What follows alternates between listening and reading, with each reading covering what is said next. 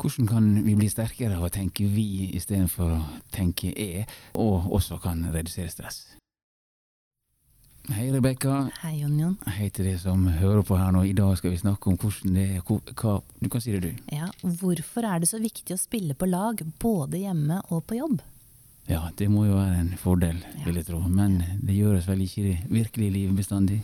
Nei, men jeg tror eh, Altså, jeg er jo eh, mentalt ødelagt, kan man si. Fordi jeg vokste opp med en eh, magister i psykologifar som hadde ansvaret for psykologiundervisningen i over 40 år på Norges idrettshøgskole. Jeg skjønner hvor det kommer fra. Ja, så han har jobbet med alt som er av våre hva skal si, norske vinnerlag gjennom tidene.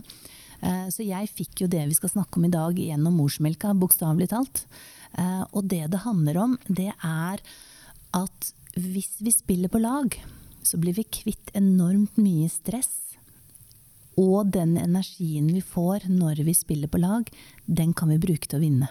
Bare sånn for å trekke et lite hakk tilbake igjen til mm -hmm. dette med stress. Vi har -hmm. snakka om det tidligere, men kanskje noen som ikke har hørt det. Bare fortell ja. meg hvor stresset kommer fra. Altså Stresset kommer av at vår hjerne oppfatter noe som fare. Uh, I gamle dager så var det den farlige bjørnen i skogen som kunne spise oss. Men i vår tid så handler det veldig ofte om at vi er redde for å ikke rekke deadline, hente barna i barnehagen, uh, at vi kanskje ikke får ringt svigermor så ofte vi skal. Og det setter i gang en like sterk stressrespons som om vi møter en farlig grizzlybjørn. Det kan jeg kjenne allerede nå. Ja, Og det som på en måte da skjer, er at hvis vi lar stresset ta oss, som vi tror først bare er der litt og vi har kontroll, så er stressmekanismen sånn at stress avler stress. Og det som da skjer, er at når vi blir veldig stressa, så begynner vi å få relasjonsstress. Altså da begynner vi å få dårligere forhold med de som er rundt oss, enten det er på hjemmebane eller på jobb.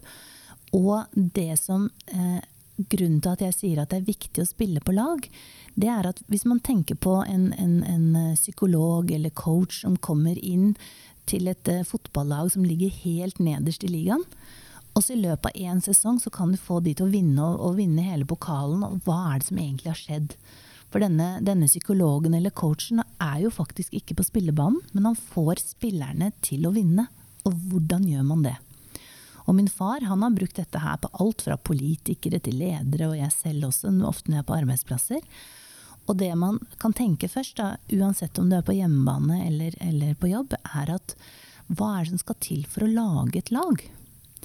Og et lag handler egentlig om at du har en gruppe med mennesker, en tilfeldig gruppe, i hvert fall hvis det er på arbeidsplassen, som eh, som egentlig ikke helt vet hva de skal der. De kan være helt forskjellige. En er moroklumpen, en er god i regnskap, en sitter stille. Hva, hva, er det disse lagspillerne egentlig gjør? Da, da sitter de på hver sin øy, og det blir egentlig ikke gjort så mye. Men hvis, får, altså hvis lederen eller treneren får de til å få en lagfølelse, det er at hvis denne tilfeldige gruppen med mennesker får noen felles mål, og lærer hverandre å spille hverandre gode, så kan man faktisk få disse målene og, og, vinne de medaljene eller pokalen man vil, enten det er i idretten realistisk, eller på hjemmebane eller på arbeidsplass metaforisk. Altså, tidligere, For noen år siden, så var jo teambuilding tingen. Ja. Da reiste firma og selskap og bedrift ut i skauen og klatret trær ja. og bygde ja. hytter styrte på. Det er ikke så mye av lenger. Nei, for du kan si mange av de glemte at uh, det handler ikke bare om å ha det gøy og på en måte takle utfordringer. Altså det man ofte må gjøre, det er at man må finne noen felles mål, og det er det mange firmaer som gjør, at de liksom setter opp en visjon og mål, men så glemmer de å få med seg bakkefolket, de på gulvet. Så de ja, de lederne de sier at vi er en bedrift som er sånn og sånn, men de føler egentlig ikke. Og da kan man si ok, hva er oppskriften for å få et lag til å fungere? Og det ene er da som sagt at man har felles mål, slik at denne tilfeldige gruppen ikke lenger er tilfeldig, men et lag som skal vinne sammen. Så handler det om å akseptere at de forskjellige spillerne er helt forskjellige. Det kan være sånn som i familien. ikke sant? Veldig ofte så er det sånn at eh, hvis, eh, hvis, mor er temperamentsfull, så er pappa rolig. ikke sant? Og så har du to unger, så er den ene temperamentsfull, den andre er rolig. Man ser ofte sånn likhetstrekk mellom barna og foreldre. Eh, og si at ok, det er greit. Det er greit at man på en måte har forskjellige egenskaper. Og det er jo styrken i et lag, at man nettopp er forskjellig. I et fotballag så handler det om at du har noen som er gode på å skyte, noen er gode på forsvaret, noen er gode på liksom å dekke opp de, de andre, eller, eller, få ut den som er den beste spilleren på motsatt lag. Og det som er viktig, da, det er man må få laget til å ønske å skyte mål. Og da pleier jeg å si at hvis du har en leder, enten det er på jobben eller eh, hjemme, som bare er den sinte treneren. At hver gang noen gjør noe feil, sånn Hvorfor i helvete gjør du det? La oss, tenke, la oss tenke en fotballspiller da, som skal skyte mål. Han har øvd seg, og nå er den viktige kampen kommet. Han får ballen, og han skyter, og han bommer helt. Da vil den sinte treneren si hva er det du finner på, er du helt idiot? Ser du ikke hvor målet er? Mens den treneren som har gått på kurs hos meg, han vil si ok, da er kampen i gang. Ja, ja, ja, du skyter i hvert fall mot riktig mål, selv om du ikke treffer. Ikke sant? Og så neste gang fotballspilleren spiller, så, vil, så, vil, eh, så, så, treffer han eh, midt i stanga. Den går ikke inn, den går midt i stang. Da vil han sinte treneren si er du, er du helt idiot fortsatt? Skjønner du ingenting? Du må vri den inn i mål. Mens den treneren som har vært hos meg, han han vil si ok, det var nærme på, ikke sant. Én, to, alle gode ting er tre. Neste gang så går den inn. Og så skyter han en gang til. Og så får han mål. Og da sier begge trenerne yeah, kjempebra. Men den treneren som har gått hos meg, han sier faktisk da til fotballspilleren kom hit på benken. Og så slappe av litt. Og så mens han sitter på benken, så vil hele publikum og lagkamerater si yeah, tommel opp og si dette er kjempebra. Eh, mens han sinte-treneren lar spilleren spille eh, og, og, tenker ok, nå skyter han, nå skal han gjøre mer. Men det den sinte treneren ikke har fått med seg, det er at de to-tre minuttene som, som, spilleren får når han setter seg på benken, hvor alle hyller han, det gjør at dette minnet lagres i hodet hans. At han kjenner på den herlige følelsen av å skyte mål. Mens den som har den sinte treneren, han blir kanskje dratt ut på benken når han ikke treffer. Eh, ikke da blir det en straffebenk og ikke en hvilebenk. Og så kommer det store spørsmålet neste kamp som de har. Hvem av de tror du kommer til å skyte mest mål, Jon Jon? Det var et godt spørsmål, Rebekka. Det må jeg tenke litt på mens du forteller meg hva Ja, det som er. For det ene handler om hjernemanipulasjon på en positiv måte. Og det er at han som fikk sitte på hvilebenken og få hyllesten etter at han skjøt mål, selv om han bommet de to første gangene, han vil ut på den banen og få godfølelsen igjen. Så han er interessert i å skyte mål. Mens han som har den sinte treneren, kanskje han har kranglet med kona eller kjæresten før han kommer og er litt sliten. Når han får ballen og egentlig kan skyte mål, så sender han den til en dårligere spiller, for han orker ikke å få kjeft hvis han bommer. Ikke sant? Ja, så Sure trenere som krangler hjemme, de bør ikke være trenere. Ja, og vet du hva vi kaller det? Nei. I fagspråket så kaller vi det 'den sinte treneren gir ydmykende stoppsignaler'. Og ydmykende stoppsignaler, ikke sant, det er sånn altså, Du har sikkert merket noen ganger at jeg kommer litt for sent, selv om du kom for sent i dag, men, men vanligvis så kommer jeg kanskje fem minutter for sent. Så kunne du sagt sånn Å, hvorfor kommer du alltid for sent, Rebekka? Respekterer du ikke møtene våre? ikke sant? Istedenfor at du liksom sier 'du, så bra at uh, du kom, da rakk jeg en kaffe før, uh, før du kom'. Fordi når du sier 'du kommer for sent', og veldig ofte er det en eller annen grunn, ofte at jeg sitter med en klient eller et eller annet, og du kan si ydmykende stoppsignaler er at du på en negativ måte forteller den feilen som du har gjort. Og det tilfører ingen ny informasjon, det bare tapper den som har gjort feilen, for energi. Så hvis du er superstreng, enten som foreldre, eller som ektefelle, eller som arbeidskollega, hvis du bare kommer med ydmykende stoppsignaler, så bare bruker du opp energi. Og alle vet jo, alle publikum som ser på denne fotballspilleren som bommer, vet jo at han har bommet. Så du trenger ikke å liksom smøre det inn. Da er det bedre at hvis du skal få den personen til å vinne, og faktisk si OK, kom igjen, dette her går bra. Vi prøver igjen. Og ydmykende stoppsignaler det kan være sånn som jeg sier, kommentarer, men det kan også være sånn blikk, som hvis nå sitter jeg og ser på deg mens jeg sitter sånn Ja, jeg er faktisk ikke interessert i det du spør meg om, jeg nå, Jon Jon. Ikke sant? Eller det kan være at man snur seg helt vekk og later som man ikke er der.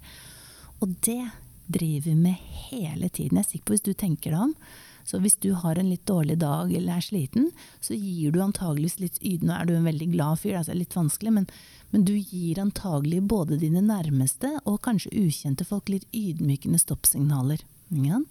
Og det gjør vi hele tiden. Og hvis du skal ha, et, ha en vinnerkultur, enten med å ha det bra i familien eller på arbeidsplassen, så vil jeg si som coach slutt med det. Ja. Og da får vi ofte et problem, for hva søren skal vi si da? For ja. vi bruker masse av taletiden vår på ydmykende stoppsignaler. Det må jo, det må jo være i, i, stor stil veldig mange plasser dette ja. foregår. Tenk deg på jobb, hvor, det, hvor, folk er misfornøyd på en stor arbeidsplass med sjefen.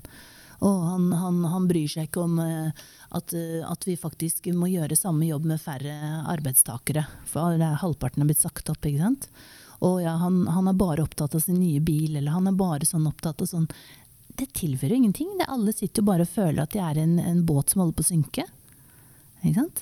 Da er det bedre å si at ok, nå skal vi vise at vi liksom skyter mål, og vi skal virkelig liksom eh, kanskje, kanskje, han er opptatt av bilen fordi han syns det er fælt på en måte, at han har sagt opp halvparten av staben her. Altså, det handler om å på en måte ikke bruke tiden sin på trøstekultur og snakke stygt om andre eller tenke stygt om andre.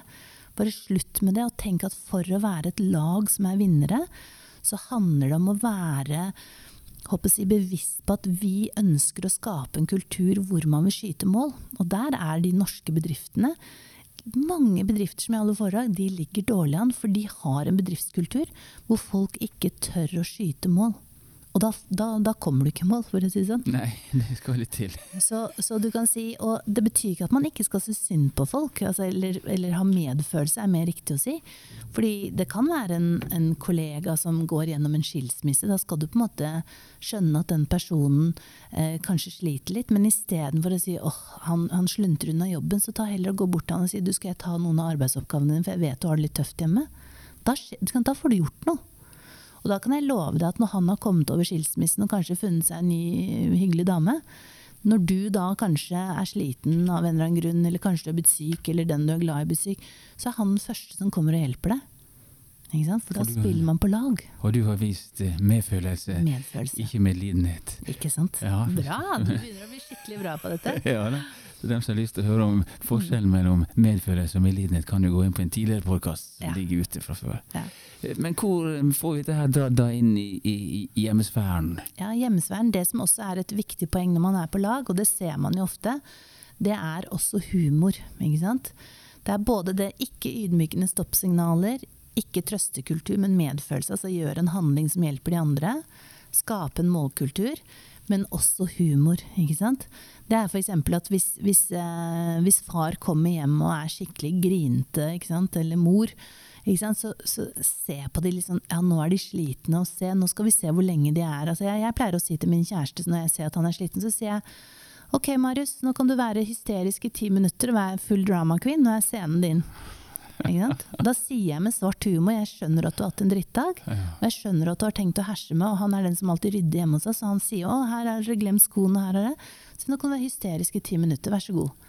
Og da skjønner han sånn ok, vi er jo egentlig et lag, og vi skal ha det hyggelig i kveld. Og hvis jeg nå kjefter på alle, så, så, blir det ikke hyggelig. Ikke så du kan bruke det istedenfor at jeg sier sånn Å, her kommer du er supersur. Ikke sant? Da jeg kommer med ydmykende stoppsignal, for han vet jo egentlig at han er sur. Ja, ikke sant? Så du kan si jeg bruker det veldig mye på hjemmebane også, og det kan alle gjøre. Ikke sant? Det der at Altså, bare prøv en uke å ikke gi ydmykende stoppsignaler til noen rundt deg.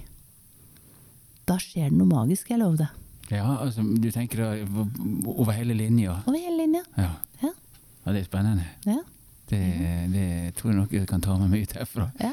Og så tenk litt på det der at den sinte treneren som bare liksom roser deg når du får det til, men ellers kjefter på deg med ydmykende stoppsignaler. Ikke vær den sinte treneren. Vær heller treneren som på en måte får altså Løft de andre rundt deg istedenfor å trykke de ned. Det kan føles litt godt hvis du har en dårlig dag og trykker folk ned, men det fører ikke til en minnekultur. Nei, og det er det vi ønsker. Ja. Og, og, og det, det, får folk til å åpne seg og, og, tilstå ting. Og jeg har lyst til å tilstå nå at jeg kommer jo litt for seint, det også. Ja. Men jeg satt og koste meg med kollegaene våre her ute med kaffe og snakket om masse spennende ting, så det var kjempebra. Veldig bra. Og jeg jobber mye i Afrika. Der går det opp i en time eller to også. Ja. Det går helt fint, det òg. Så vi trenger ikke stresse opp. Nei, og det som nettopp skjer, er at når man spiller på lag, så forsvinner stresset. fordi da blir det ikke jeg som er mislykket, men da er det vi som kjemper for å vinne sammen. Og da forsvinner veldig mye stress også, bare automatisk ved å spille på lag. Fantastisk. Takk for det, Rebekka. Bare hyggelig. Takk for i dag. Og takk til de som har hørt på der ute. Og så ha det bra. Ha det bra.